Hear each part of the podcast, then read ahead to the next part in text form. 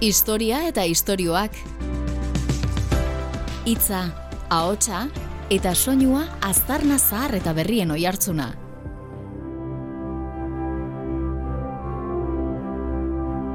Estatu batuen historia, estatu moderno gisa, ez da oso luzea ziurazki, baina bai oparoa, gertakizunez betetakoa eta historiori dugu izpide unai belaustegi historia gilearekin batera, eta horrelakoetan oidenez, lehen da bizi sorrerara joko du.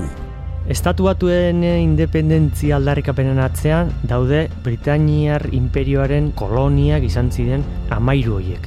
Eta hoiek izango dian nolabait koroaren kontra altxatuko dianak gerra baten ondorioz.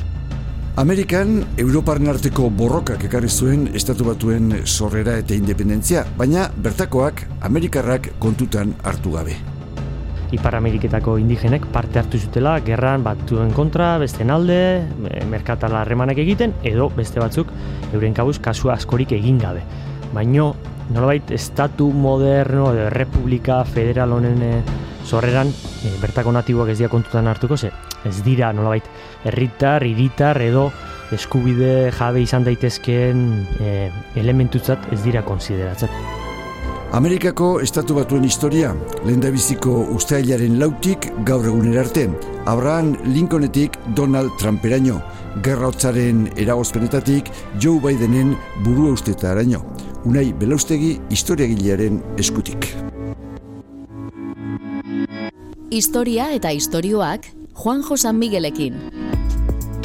Historia, nazioartea eta giza iragana ahots hautatuen eskutik. Elkarrizketen bidez, gizakiok gaur egunera arte ekarri gaituzten bideak jorratuz. Unai Belaustegi historia garaikidean doktorea da eta Euskal Herriko Unibertsitatean irakasle, lehen ere izan du gurekin, orduan Espainiako bigarren errepublikaz hitz egiteko, gaur beste errepublika batez hitz egin behar dugu. Estatu batuen historia izango dugulako eta nahi dugulako ba izketa gai izatea.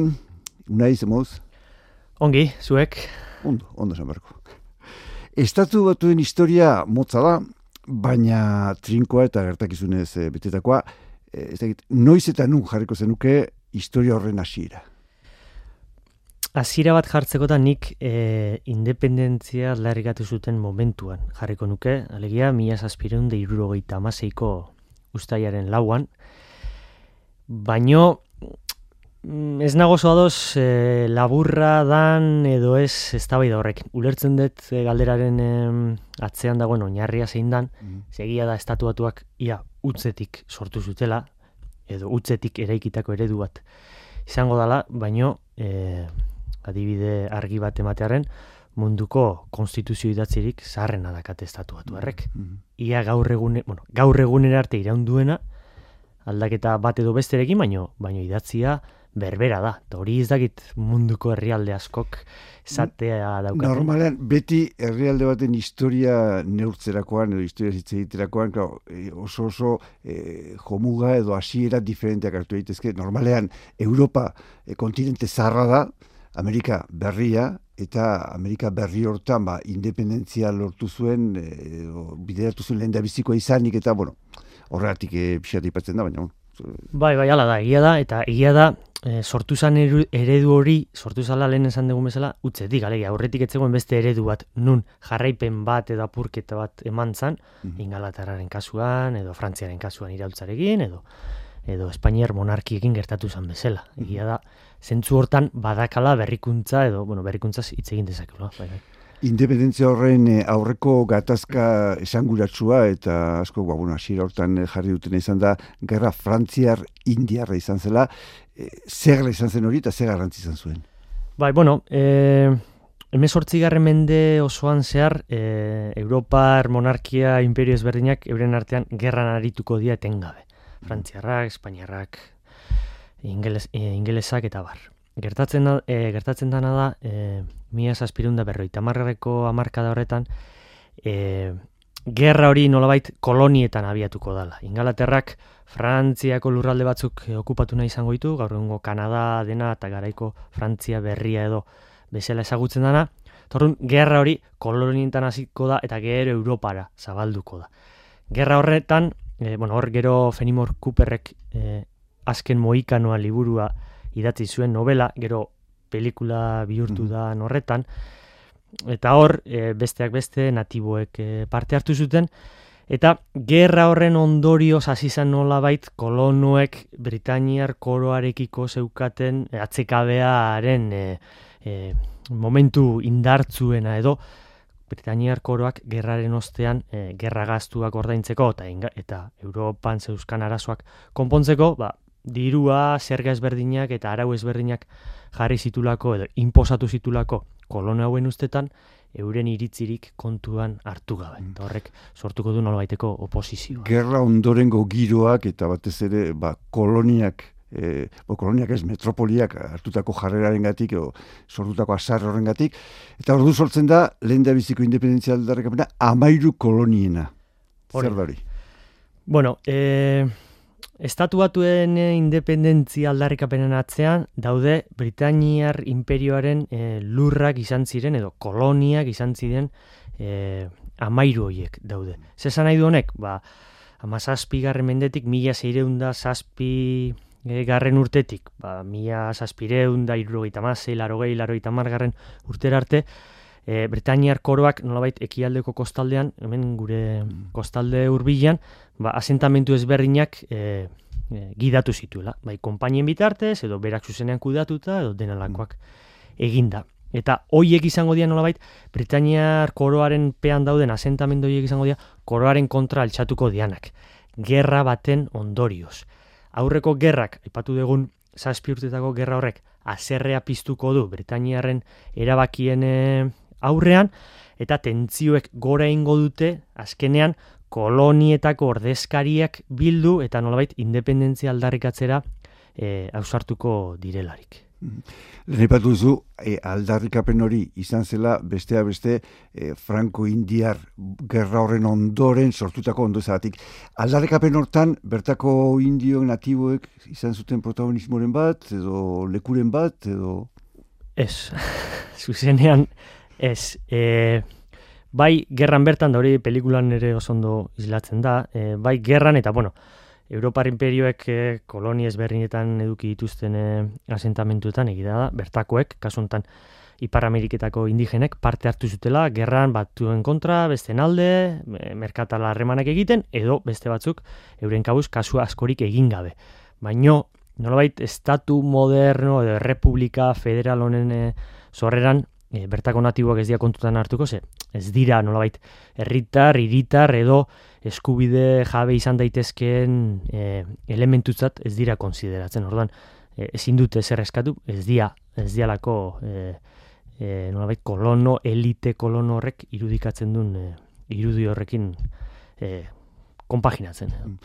Oa itzaiten hasi eta ontaz itzen duen guztietan eta e, zu behin eta berez esan duzu, orduan, lehen da biziko urte horietan sortutako erakundeek gaur egune arte iraundutela eta urte horiek oso oso garrantzitsuak izan ziela.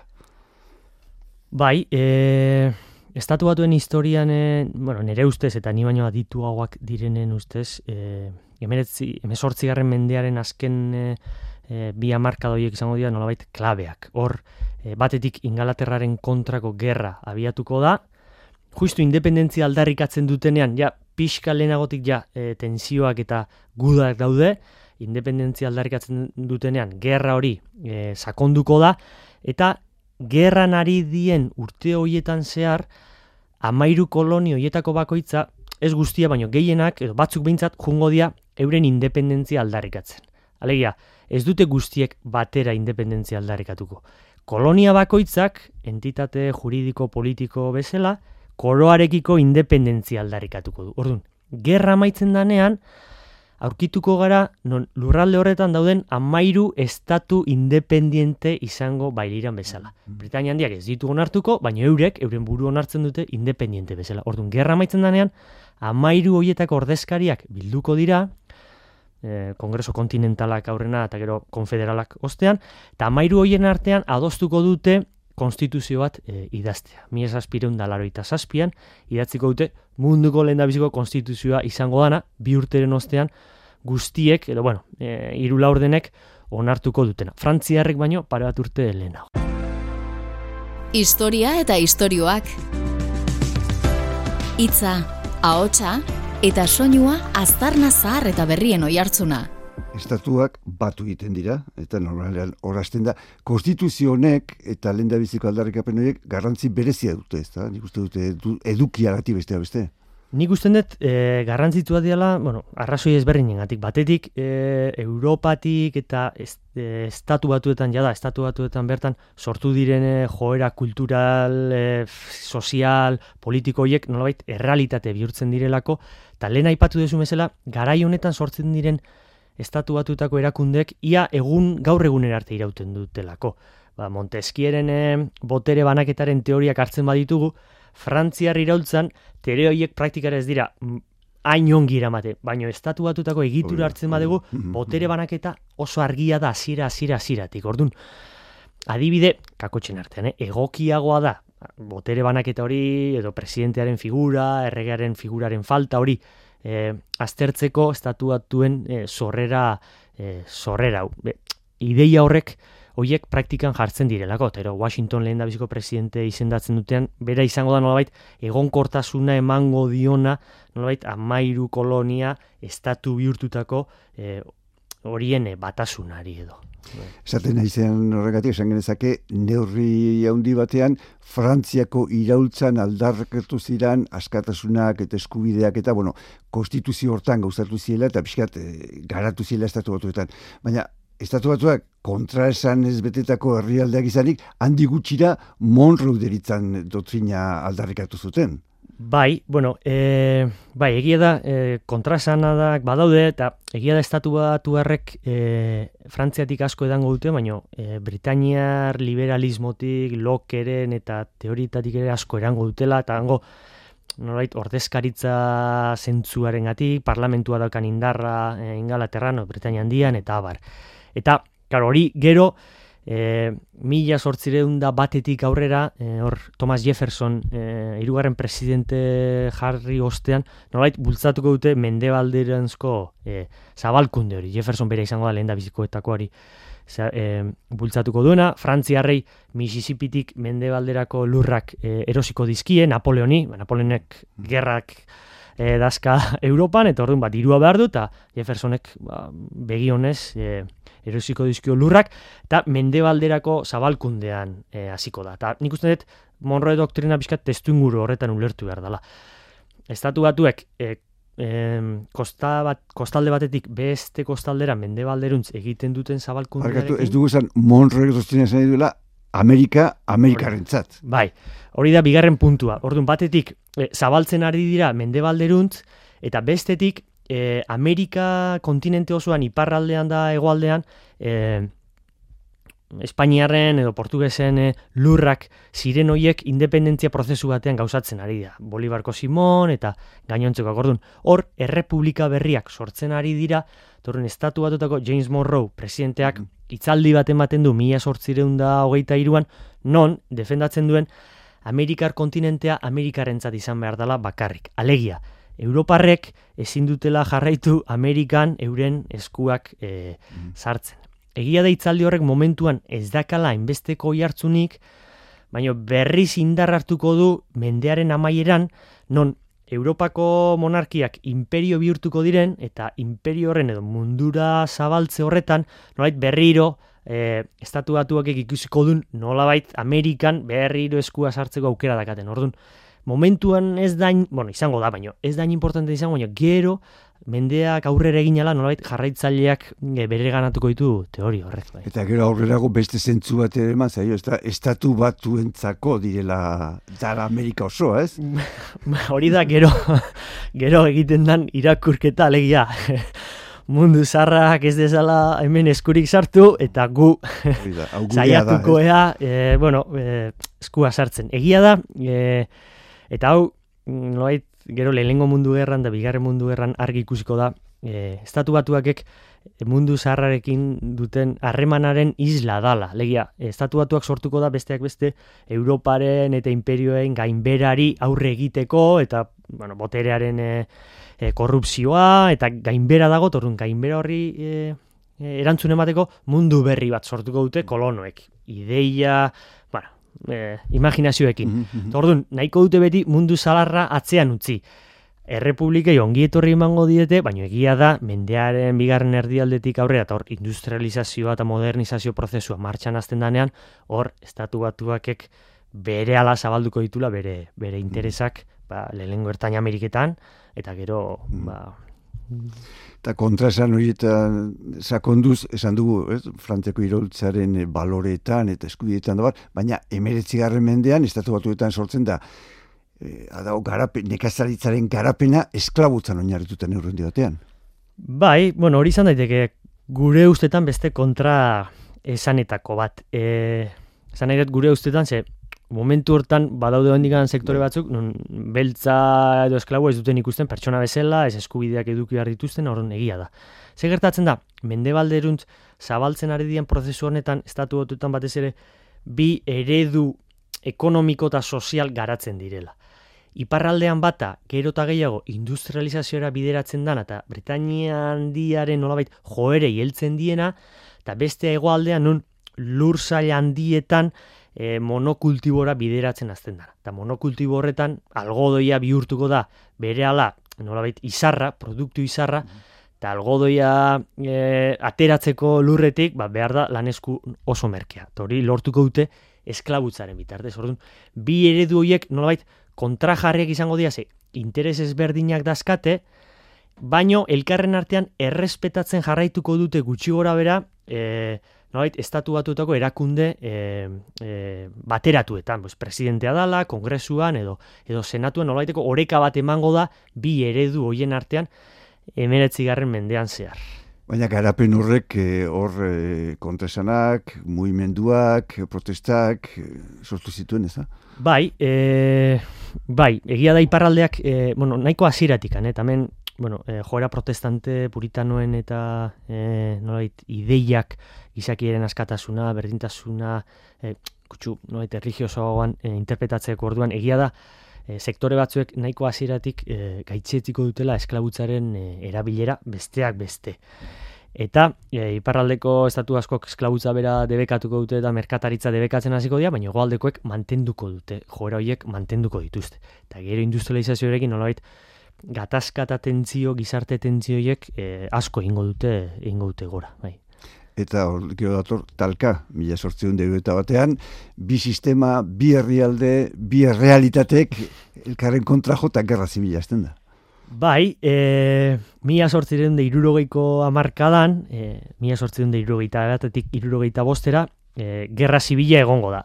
E, eta gerra zibila hori izango da, estatu batuen bilakaeran sortuko diren bi eredu ekonomiko sozialen e, gerra bat izango da. Ze gertatuko da, ba, egoaldeko e, estatu batek aldarrikatuko du e, gobernu e, orokorre galegia guztien ordezkariak ziren gobernu horiek ez dituztela estatu batzuen eskubideak bete beharrak edo aldarrikapenak e, kontuan hartzen. Mhm. Ez diela eure ikasurik egiten. Tordun, e, aldarrikatuko dutena izango da, e, estatu batuak desegin egiten da, ze estatu guztien interesak ez daude berdin ordezkatuta. Orduan, egualdeko estatuek sortuko dute, eurek aldarrikatuko dute, euren estatu e, e, propio bat.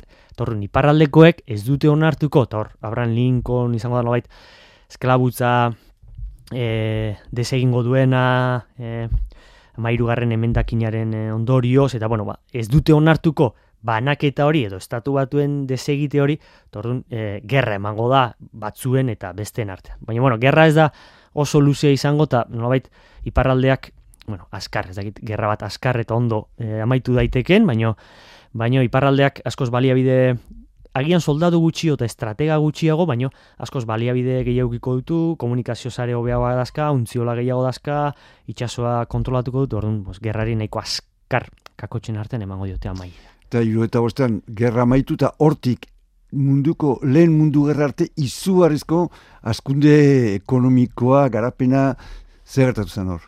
Bai, bueno, batetik, e, gerraren beraren e, amaira, nolabait, e, eredu ekonomiko bat, e, bueno, ez nagusitu, egoaldeak oraindik jarraituko du, eh, bere egoera e, eredu ekonomiko horrekin, baino, iparraldearen nagusitasun edo nolabait instituzio orokorretan e, argia izango da, eta industrializazio eta modernizazio prozesu bat emango da ekonomian gizartean da horrek eragin eukiko du baita ere politikan. Ba, gaur egunean e, e, iparraldeko estatuak, e, Michigan lakuaren inguruan dauden estatu hiedanak, Ford eta e, automobilgintzako fabrika handiak egon General Motors eta egon zien e, estatu horiek hasiko dira nolabait, ba, hemen bizi izan antzeko prozesu bat e, gauzatzen. Gertatzen dana egia da urte gutxitan, nolabait, e, irizpide ekonomikoak eta askunde hori ikaragarri izango dela, eta horrek nolabaiteko e, desorekak eta ezberdintasunak sortuko ditula baita ere e, gizartean. Horra hasiko da nolabait, e, demokrazia e, kapitalistaren e, ez dakit nola e, makineria funtzionamendu e, osoan e, e, lanean. Enpresa handia sortuko dira, petrola kontrolatzen dituzten enpresak, automobil gintza, laste, for, eta mm. sortuko dira, izugarrizko aurrerapenak egingo dira, irratia, bombilla, ba, estatu batuetan e, e, irurogeita milioi pertsona jungo dira zinemara e, bigarren mundu gerra aurretik, e, ia etxe bizitzen erdiek irrati bat eukiko dute e, hogei garren amarka da horretan. Hor, aipatu zu, autoak zehaskatasun eman zuen, eta zeukerak eman zituen. Hori da, hori da beste bat, eta gaur egungo norbait estatu batutan egongoa da, e, ikusi du, auto, ikusiko du autoak askatasun handi ematen dula, eta hor, irien ereduak aldatzen jongo dira, e, downtown edo irien erdiguneak sortuko dira, eta jendea bizitzera irien kanpokaldera e, e, joango da, baina aldi berean autoaren erabilera derrigorrezkoa bihurtuko da estatu batuetan e, bizitzeko, hori estatu batuetan bizi, agian, Nova York eta egon daitezke salbu espen txiki batzu, baina estatu batuetan bizitan jendeak hori argi daka, autorik gabe zindala erosketak egitera ere, joan, ze zinezkoa, distantziak gaindira indiak, mhm. non zinezkoa dan, bai. Historia eta istorioak Aintzinakoak gogoratu eta gaurkotuz. Eta askundi karagarri horren ondoren, alako batean, mila etzen eta behatzean, krak egin zuen denak, eta ez dakit, horrek ze, ze ondo izan zituen. Bai, bueno, e, egia da, e, bueno, krak hori etorri izan batez ere, bueno, aipatu dugun e, askunde ekonomikoaren e, e, ostean, e, kritikak eta gizarte tenzioak egon zian, hor, Mark Twainen e, novelak e, e, urrezko aroa eta bestelakoak mm. aipagarria dira, e, berak esaten du gainera, dena ondo joango balitz elizateke olako liburuak kaleratzeko beharrik egongo, baina nola dena ez doan ondo, norbaitek kritikatu behar du garapen hau. Hori, lehen da biziko mundu gerrarekin da, gerra osteko urteekin asko sakonduko da, besteak beste estatuatuak berandu sartuko da gerran, bere lurretan ez da gerrarik egingo. Eta gero, lehen da biziko mundu gerraren berre egituratze horretan, e, bertako bankuek paper aktiboa jokatuko dute, Eta hogei garren amarka da zoriontzu horren ostean, nolabait, eta nolabait, e, bueno, e, Nueva Yorkeko e, burtzak ondoa joko du, hau ez dakit, historia aldetik, psikologia aldetik, hemen bertan ere landu dezu gai hori mm badakit, eta ez dakit, ekonomilariak eurak ere gai dian ulertzeko edo asaltzeko zehatz mehatz segertatu zen, baina kontua da, Nueva Yorkeko burtzaren baloreak ikaragarri jetxi zirela, horrek jende askori eragin ziola diru galera handiak eukitzea eta krisia nolabait zabaldu izan lehen da bizi estatu batuetan, da gero mundu guztira, edo behintzat Europan, eta Europaren bitartez mundu guztira zabaldu izan eh, krisi ekonomiko. Eta horrek, emango dio amaiera, nolabait, nahi badezue, e, lehen da ametz Amerikarrari, baino ametz hori bigarren mundu gerra ostean berriro mm. nolabait berrartuko da edo. Hori, hori, hori da urroko galdera, hau da, gero, bigarren mundu gerra dator, bigarren mundu gerra hortan, estatu batuak e, irabazletako bat da, eta gainera munduko lehen potentzia bihurtzen da, nahiz eta soia bat horregon, baina, bueno, e, horre ja bere biziko protagonismo hartzen du. Bai, e, garaile nagusienetako bat, bigarren munduko garaile nagusiena estatu batuak izango da, berandu sartuko da gerran, beti hori mundu zaharrarekin, Europarekin dakan harreman hori bizkat uko eginez, gerra sartzen danean, balantza desorekatuko du aliatuen alde, eurei esker garaituko dituzte italiarrak Afrika egualdetik eta italiara sartu eta iparraldetik Normandiaren bitartez da.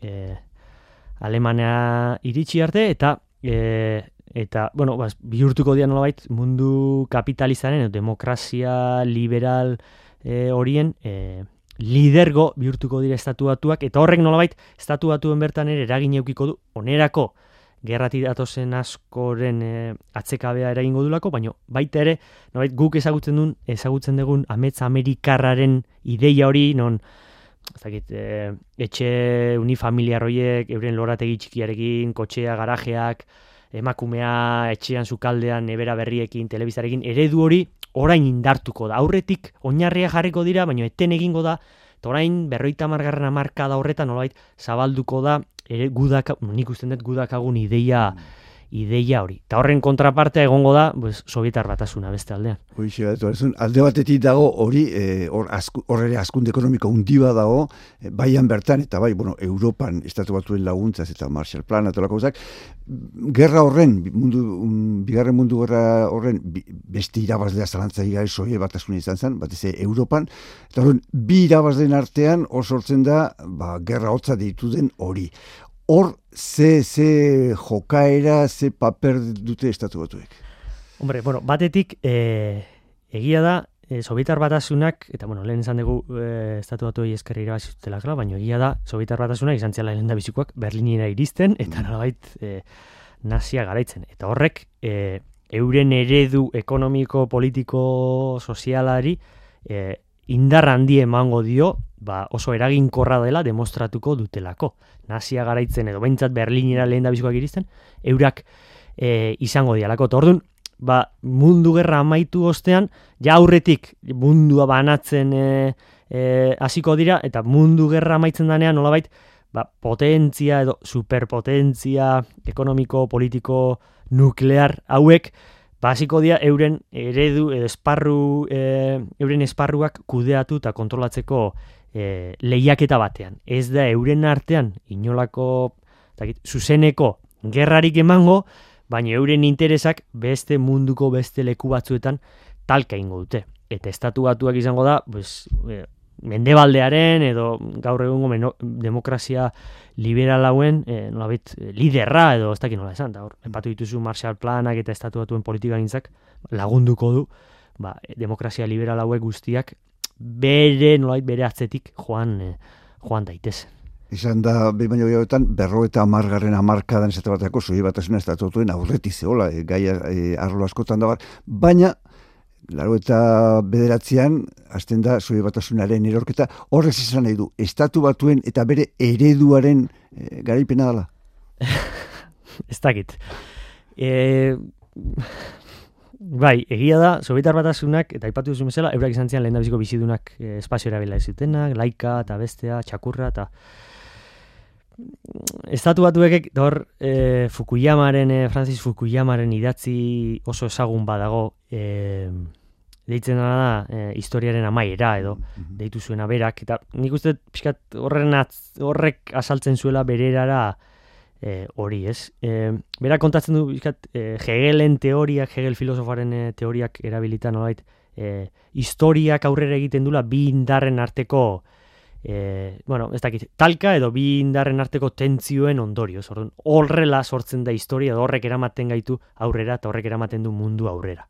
Kasu honetan, berak interpretatzen bi indarroiek zirela bata e, mundu kapitalista eta beste mundu komunista edo edo sozialista hori. Orduan, bi ereduetako bat erortzen danean, ba, bestea geratzen da, garaile bezala edo bestea geratzen da, ba, ba, erreferentzia bakartzat eta horren baiteko historiaren amaiera bat e, ematen da. Mm, bueno, zentzua daka berak esplikatzen duen teoriak, eta nik usten, nik esango nuke bai, estatu batu eredu hori, Sovietar batasunen erorketaren ostean, e, mundu guztira, ja zabaldut espada lego behintzat, mundu guztira zabaltzen e, hasiko dala, bai. Demokrazia liberalaren oinarriak mundura zabaltzen hasiko dira, zalantzari gabe. Bai, bai. Bueno, e, gu honean iritsita, Howard Zinn, historia gila aipatu behar dugu, ze honek esaten du, ba, bueno, ezin dela horrela kontatu historia, ez da? Berak esaten du, herrialde bat, kasuta, estatu batuak, ez delako talde bakar edo bateratua, barruan biziren taldeen arteko etengabeko borroka baizik. Hori horrela ikusten duzu edo? Bai, e, badaka, e, bueno, uste maiazu, e, propaganda pixkat ingoet, e, ez gomendatu nahi nitun e, zinen pare bat e, liburu, The People's History of United States, hemen usten dut gaztelerara la otra historia de los Estados Unidos bezala itzuli zala, Eta gero daka, bueno, dauka edo egin zuten bere liburuekin e, oso liburu interesgarri bat, komiki interesgarri bat, e, no da, historia, ez dakit, del imperio americano da. E, eta hogei garren mendeko estatu batuen historia egiten du, nolabait, bertzio ofizialetatik pixkat aratago, eta kutsu marxista bat ematen dio, berak, ba, ondo esan dezu mesela, ulertzeko, e, historiaren bilakaera eta kasu honetan estatuatua bera, baina gainontzeko dozen gizarte eta estatu bezala oso komplexua edo behintzat e, anitza dela. Eta berak ondo egiten duena da, estatu batuen historian parte hartu dituzten. Baino, hainbeste kontuan hartu ez diren gizarte talde, mugimendu sozial, politiko, kultural ezberdinak ere kontuan hartzen ditu, nolait, bilakaera horretako protagonista bihurtuta. Natiboak, eh, emakumezkoak, eh, ez dakit mugimendu ba, anarkistak, sozialistak eta horiek guztiak, nolabait, parte hartu izan duten bezala. Hala ere, egia da baitere, estatuatuen historia, eta nik usten dut Howard Zinen kritikak horti datozela, nolabait, gizonezko zuri protestante eta e, anglosaxoiaren eredutik azaldu izan dela, historia gehienak e, e, bezala, eta nolabait horrik kontra egiteko balako liburuek eta autorek ematen diote, ba, pixkat osagarri, perfil osagarri bat. Bai. Eta zagen ezake, azkenen gurta hauetan, Trumpen e, agintaldian, eta oain dikere gaur egun bizi duguna horren adierazlea dela, ez da, batean. Bai, e, kolonien azira, aziratik, estatuatuen sorreratik eta konstituzioa edo independentziaren aldarrikapena edo konstituzioa bera sinatu zutenen perfila kontuan hartu, hartzen da, eta horrik erketa pila badaude, gizonezko txuria da, protestantea, eta eta nolait ingelesez e, hitz egiten duna, edo bueno, kultura anglosazoian sortu da, eta horren perspektibatik landu da, eta eta eraiki da, e, historia osoa, eta nik usten dut gaur egunean, eta Trumpek hori oso ondo azal eh, erakutsi zuen, horrekin, irudi horrekin, WASP, bezala mm ezagutzen da estatu batuetan, irudi horrekin identifikatzen dan jende, jende asko dago. Egia da Obamak hor salbuespen bat egin zuela, nolabait e, txuri esen gizonezko bat hartuta, baina ez dakit emakumezko presidenterik ikusko dugun estatu batuetan, epe laburrean, ez dakit, nahiko nuke, baina ez dakit. Nik ez dakit. Egi esan da, ba, unai belaustegi, mila mila esker, berri ere, azalpen horiek emateagatik, eta, bueno, pixate, historiaren beste zatitxo bat eh, honek hartzeagatik. Eskerrik asko zeuei. Historia eta istorioak Juan Josan Miguelekin. Historia, nazioartea eta giza iragana ahots hautatuen eskutik. Elkarrizketen bidez, Gizakiok gaur egunera arte ekarri gaituzten bideak jorratzen.